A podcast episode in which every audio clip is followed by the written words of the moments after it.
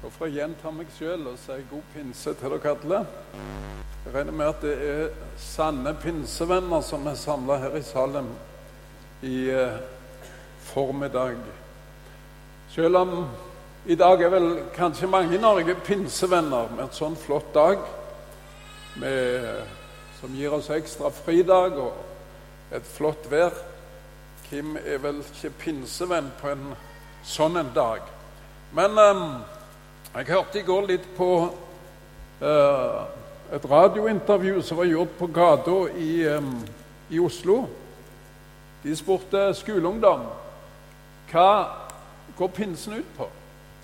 Og det var faktisk ingen av de de traff på gata, som visste hva pinsen betydde, eller hva det var, hva det dreide seg om. Ingen visste det. Det var litt tragisk å høre at kunnskapen om uh, pinse og kunnskapen i det hele tatt om Gud, om Jesus, Den hellige ånd, er så på retur i det norske folk. Pinse, det er jo um, Ordet kommer jo fra gresk og betyr um, Eller fra det greske ordet 'pentekoste', som betyr 'den femtiende'. Og I tredje Mosebok kan vi lese om uh, hvordan Gud uh, instruerer de om å feire pinse. Um, syv uker etter påske, den første dagen etter den syvende sabbaten, så skulle de um, ta av, med seg av førstegrøten og bringe til tempelet eller til presten som en takksigelse til Gud.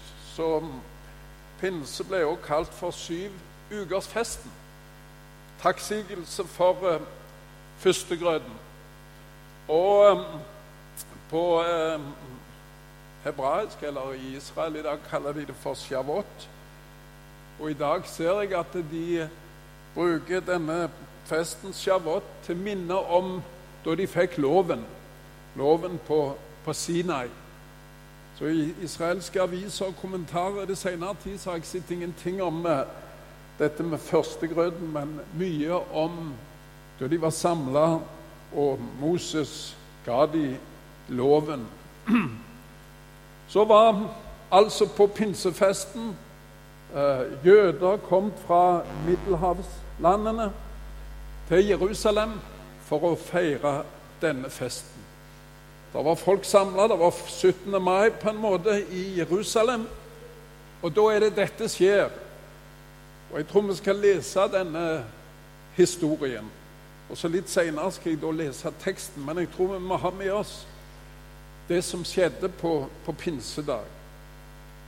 Og da pinsefestens dag var kommet, altså den gamle festen om takksigelse for førstegrøten, var de alle samlet på samme sted. Da kom det med ett en lyd fra himmelen som når et veldig stormvær farer fram, og fylte hele huset der de satt. Og det viste seg for dem tunger like som av ild, som delte seg og satte seg på hver enkelt av dem. Da ble de alle fylt med Den hellige ånd og begynte å tale i tunger, i andre tunger, alt etter som ånden ga dem å tale. Nå bodde det i Jerusalem gudfryktige jødiske menn fra alle folkeslag under himmelen. Da denne lyden hørtes, samlet det seg en stor folkemengde, og de ble forvirret fordi de hørte dem tale, enhver på sitt eget språk. De ble helt ute av seg av undring og sa, er ikke alle disse som taler, galileere? Hvordan kan det da gå til at hver av oss hører vårt eget språk? Det som vi er født i. Vi partere og medere og elamitter, vi som bor i Mesopotamia, Judea og Kappadokia, Pontus og Asia, Frygia og Pamphylia, Egypt og områdene i Libya mot Kyrene, og vi tilreisende fra Rom, både jøder og tilhengere av jødenes tro, kretere og arabere vi hører dem tale om Guds store gjerninger på våre egne språk. Alle ble forferdet og var i villrede. Og den ene sa til den andre, 'Hva kan vel dette være?' Men andre sa spottende, de er fulle av søt vind. Da sto Peter fram sammen med de elleve. Han hevet røsten og talte til dem. Jødiske menn, alle dere som bor i Jerusalem. La dette være kjent for dere, og lån øre til mine ord, for disse er ikke drukne, slik som dere mener. Det er jo bare den tredje time på dagen. Men dette er det som er sagt ved profeten Joel. Det skal skje i de siste dager, sier Gud, at jeg vil utgyte av min ånd over alt kjøtt. Deres sønner og deres døtre skal tale profetiske ord. Deres unge menn skal se syner, og de gamle blant dere skal ha drømmer. Selv over mine treller og trellkvinner vil jeg i de dager utgyte av mine ånd, og de skal tale profetiske ord. Og jeg skal gjøre under oppe på himmelen og tegn nede på jorden, blod og ild og røykskyer. Solen skal bli forvandlet til mørke og månen til blod, før Herrens dag kommer, den store og herlige. Og det skal skje. Hver den som påkaller Herrens navn, skal bli frelst.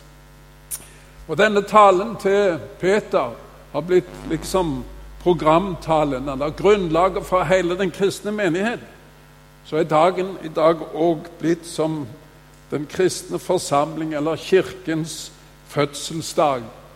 Og Peter går i denne talen forteller om Jesus som oppfyllelse av profetiene, og at han var Messias. Og det skjedde at det, når Peter var ferdig med denne talen, så stakk det folk i hjertet. Og 3000 søkte frelse på denne dagen. En fantastisk dag. Og dette skjedde ti dager etter Jesus var reist opp til himmelen. Ti dager etter Kristi himmelfartsdag. På den 50. dagen, altså etter påske så er ikke ordet pinse mer komplisert enn det betyr den 50. For denne Gud brukte denne gamle festen og samlingen til å sende sin Hellige Ånd. Den teksten som eh, er satt opp for dagen i dag, er ikke først og fremst denne pinse, fakta om pinse, men er, den er også satt opp, men ikke som prekentekst. Prekenteksten er fra Johannes kapittel 14, vers 23-29. Og vi skal òg eh, lese den teksten, for den er fra Jesu avskjedstale til disiplene. Da de var samla for siste gang, eller ved det siste måltid, så talte Jesus, og han fortalte dem mye om Den hellige ånd. Han fortalte dem om sin død og sin lidelse, og de hadde jo ikke forstått. Og de hadde heller ikke forstått dette med Den hellige ånd. Men der um, skal vi lese fra um, kapittel 14 og vers 23, midt inn i denne Jesu tale. Jesus svarte og sa til ham, om noen elsker meg, da holder han mitt ord, og min far skal elske ham, og vi skal komme til ham og ta bolig hos ham. Den som ikke elsker meg, holder ikke mine ord. Det ord som dere hører, er ikke mitt, men Faderens, Han som har sendt meg. Dette har jeg talt til dere mens jeg ennå er hos dere. Men talsmannen, Den hellige ånd, som Faderen skal sende i mitt navn, han skal lære dere alle ting og minne dere om alt det som jeg har sagt dere. Fred etterlater jeg dere. Min fred gir jeg dere. Ikke som verden gir, gir jeg dere. La ikke deres hjerte forferdes, frykt ikke. Dere har hørt at jeg sa til dere, jeg går bort, og jeg kommer til dere igjen. Dersom dere elsket meg, ville dere glede dere over at jeg går til Faderen, for Faderen er større enn jeg. Og nå har jeg sagt dere dette før det skjer, for at dere skal tro det når det skjer. Ja, det skjedde virkelig. De forsto det ikke med det samme. Men da det skjedde, så forsto de det. Og det var dette Peter òg minnet om. Dette er noe som er blitt fortalt på forhånd. I denne avskjedstalen sin så fortalte Jesus de, og han sier det tidlig i talen i kapittel 14 her. I, vers 2 og 3 sier han i min fars hus er det mange rom.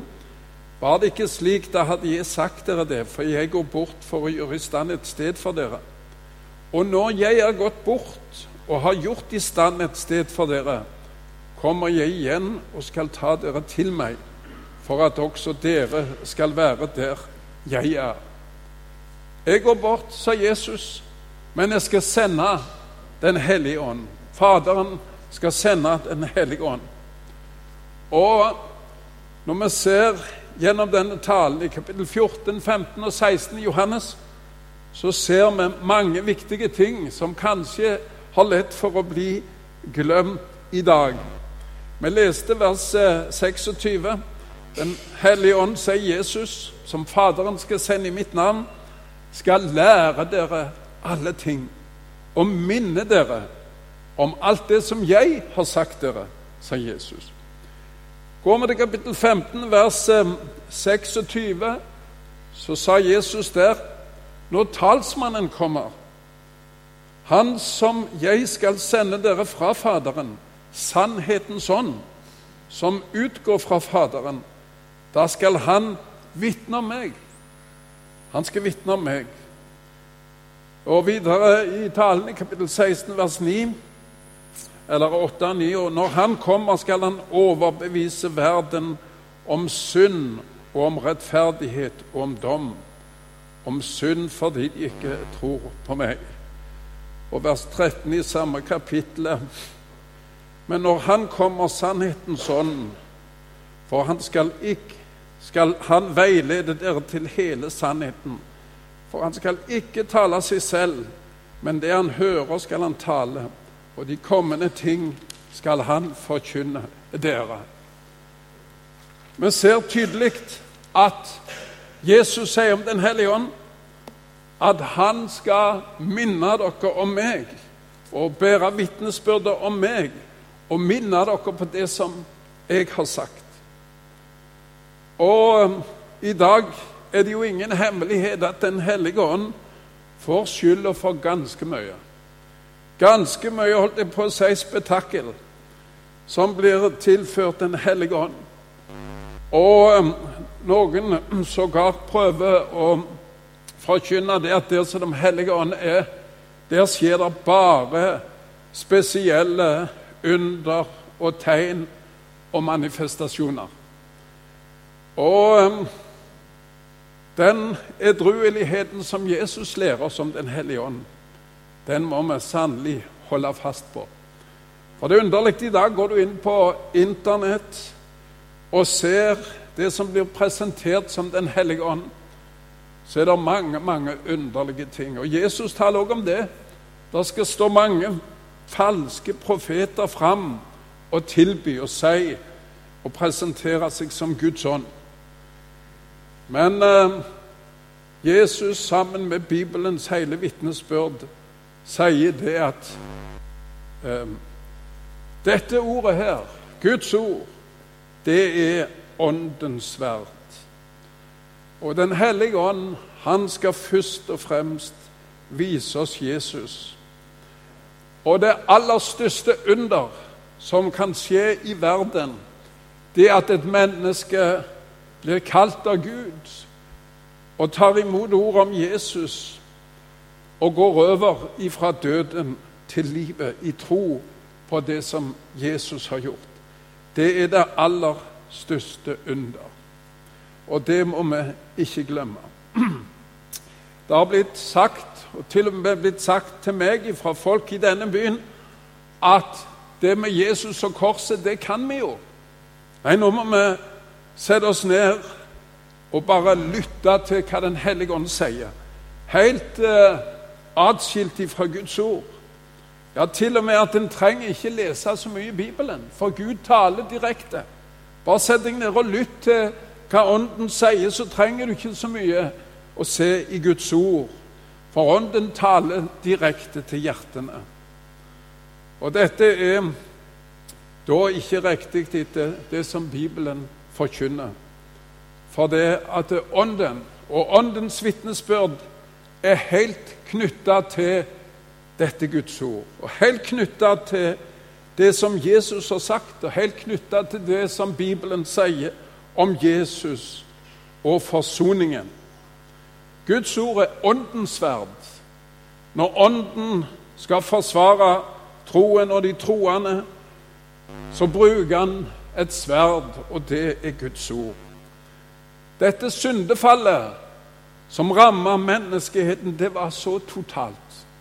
Så absolutt at ikke noe menneske på jord ville komme på å søke Gud sjøl hvis det ikke var for Guds ånd. Vi kan gå tilbake i hagen og se hvordan det gikk med Adam og Eva når de hadde synda imot Gud. Ja, de prøvde å gjemme seg, og de knytta om seg det de fant, for å skjule seg. For det var oppstått en frykt og en total eh, tillits, eh, mistillit mellom menneskene og Gud. Så mennesket hadde aldri våget seg tilbake til Gud om det ikke var for Guds ånd. Om det ikke var for Guds ånd som formidler det som Gud sa til Adam i paradiset etter fallet. 'Adam, hvor er du?' 'Hvor er du, Adam?' 'Kom tilbake, Adam.' 'Hva har du gjort, Adam?' Ga han en anledning til å komme fram og fortelle hva han hadde gjort slik at han kunne starte på forsoningens vei. For Gud sjøl måtte skaffe til veie en forsoning og skaffe til veie et oppgjør, det som menneskene ikke kunne. Og Så ser vi det at eh, Salme 50 f.eks. sier det at Herren han taler og kaller på jorden fra solens oppgang og til dens nedgang. Han kaller på menneskene kaller og drar på dem gjennom dette ord. Og kaller og drar på menneskene for at de skal, de skal komme til ham. Teksten vår sa at uh, Den hellige ånd, sa Jesus, han skal minne dere om alt det som jeg har sagt. Og det er vel sånn at eh, vi har veldig lett for å glemme det som Jesus sa. Bare tenk på alt han har sagt. Tenk på detaljene i det han har sagt, hvor lett det er å glemme det. Og ikke minst det som han sa om Den hellige ånd, hvor lett det er å glemme det. Derfor er det så viktig at vi tar til oss av Åndens åpenbaring i Guds ord, for at han kan minne oss om det som Guds ord sier, og det som Jesus har sagt. Vi trenger å minnes. Ja, vi trenger til og med å minnes om Guds nåde. For det strider jo fullstendig mot vår natur at Gud skal bøye oss ned til oss og gi oss gratis syndenes tilgivelse og gi oss gratis barnekår hos Gud. Det trenger vi å minnes om veldig ofte, for det er noe som hele vår natur strider imot, og det er noe som den onde prøver å minne oss på at vi er ikke verdige til å ta imot Guds nåde på noen måter, sånn som vi er. Og det er et under hver gang du og jeg kan bli stille for Gud, slik at Han kan få fortelle oss om sin nåde. At jeg elsker deg akkurat slik som du er. Jeg kan tilgi deg akkurat slik som du har det, og hva enn du har gjort. Så vet dere det at eh, når en taler om Den hellige ånd, så kan en tale mange mange timer og mange mange forelesninger. For det står jo òg f.eks. at han deler ut gaver til de som tror på Jesus. Nådegaver. Ikke for at de skal opp, øh, bli populære, eller ikke for at de skal, de skal stå fram som noe helt spesielt, men for at de skal kunne tjene de andre i forsamlingen og tjene sine medmennesker. Så gir Gud oss gaver.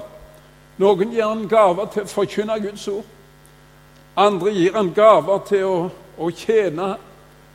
Og noen gir han gaver til å Mange forskjellige ting i, som trengs, både i den kristne forsamling og i samfunnet ellers. Og viktig er det at vi kristne òg blir klar over hva gave Gud har gitt oss, og hva Han vil at vi spesielt skal, måten vi spesielt skal tjene Han med. Nå er det sånn at eh, det skal ikke virke sånn at vi, vi kan si det er min gave. den eh, Jeg har ikke gave til det, og jeg har ikke gave til det. For ofte så Og Bibelen sier 'strev etter de største nådegaver'. Om, ikke, om det er nådegaver som ikke fins i en forsamling, eller som savnes, så skal forsamlingen og den enkelte søke Gud og be om Du ser vi mangler de og de gavene. Hellige Ånd, gi oss, gi oss disse gavene vi trenger i vår forsamling. I Efeserbrevet skriver Paulus eh, noe veldig interessant. Bruker et interessant bilde. I kapittel 1 der skriver han til de troende i Efesus. Og Så skriver han disse ord, Efeserbrevet 1, 13 og 14. I ham, altså i Kristus, har også dere, da dere fikk høre sannhetens ord, evangeliet om deres frelse. Ja, i ham har også dere, da dere kom til troen, fått til innseil Den hellige ånd som var lovt, han som er pantet på vår arv, inntil eiendomsfolkets forløsning til pris for Guds herlighet. Vi leser i Bibelen at når Antikrist kommer, så skal han gi de som følger han, dyrets merke. Men det står enda mer om det innseil som Gud gir til sine barn. Han har satt et innseil, han har satt et merke på alle sine barn. Og så er det sånn Det var sånn etter romersk lov at når um, noen ville kjøpe et jordstykke, så um, måtte de først betale et depositum og så ble dokumenter og avtaler ordna, det offisielle ble ordna.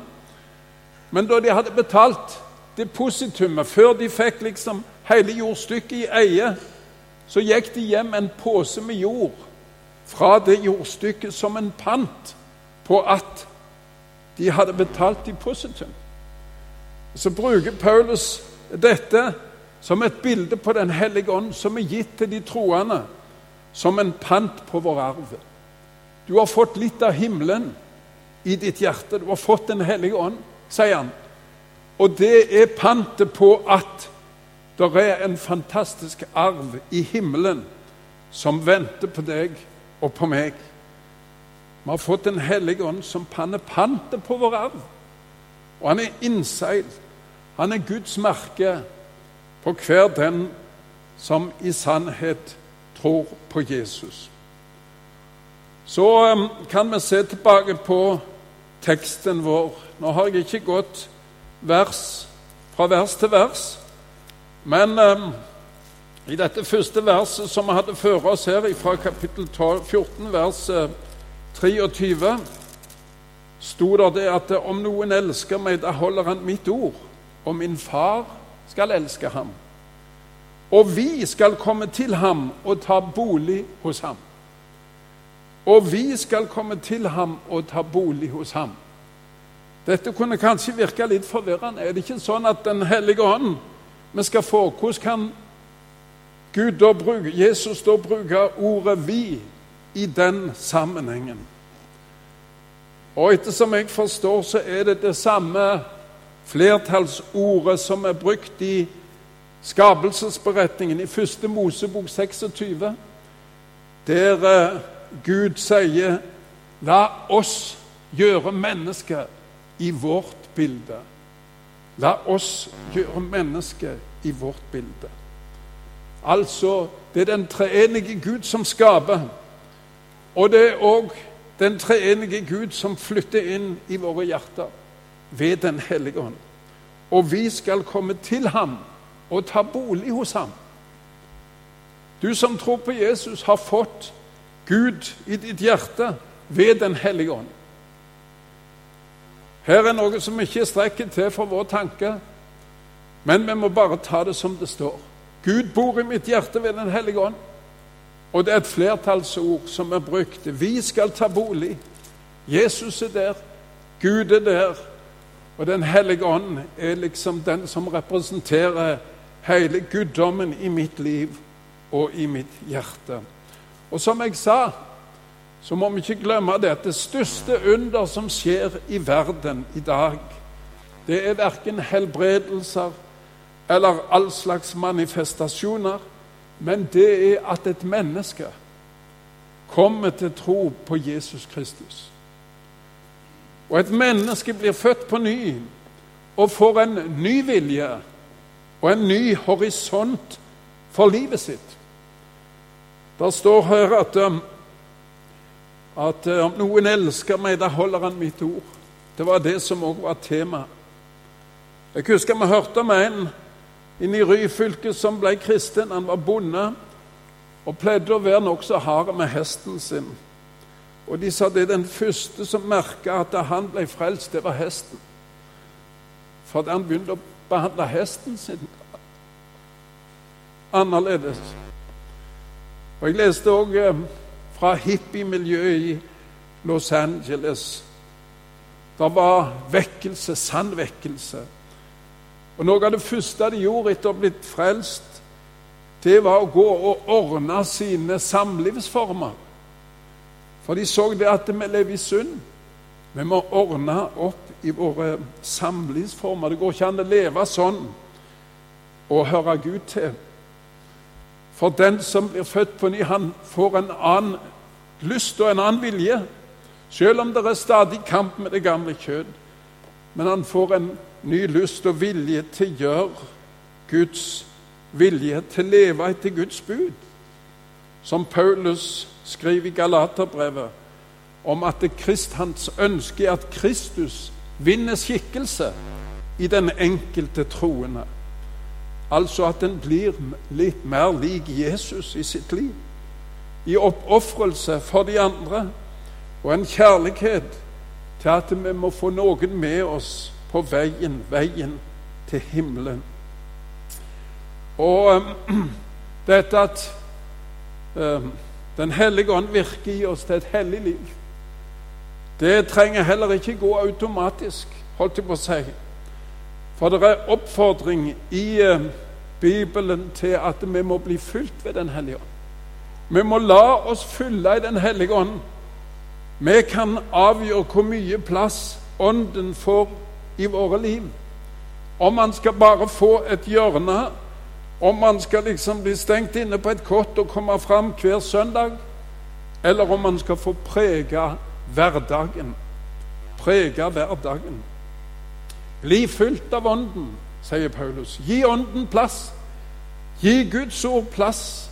La det få prege deg i din hverdag, i din eh, eh, Når du møter andre mennesker og i hele ditt liv. La det få prege oss.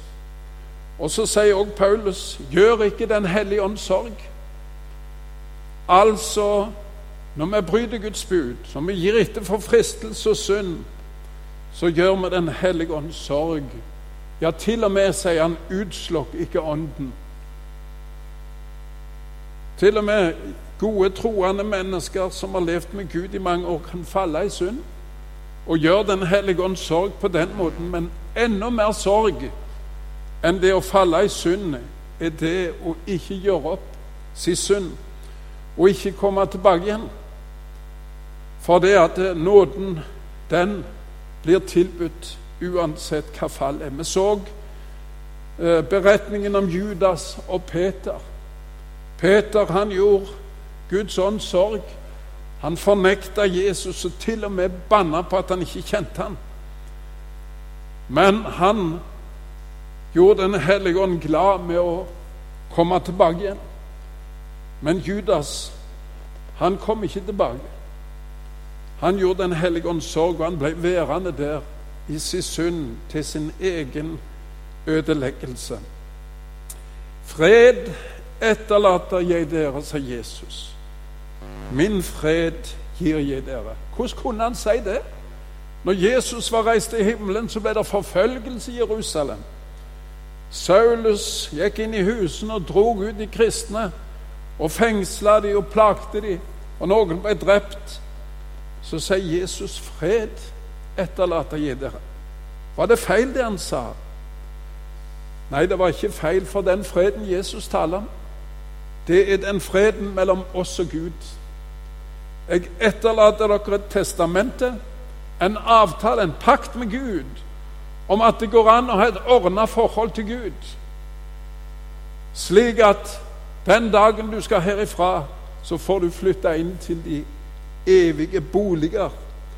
Derfor sier han, la ikke deres hjerte forferdes.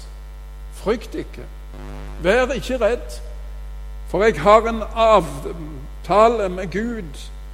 Det er et ordna forhold mellom mennesken og Gud. Og den freden gir jeg, ikke som verden gir.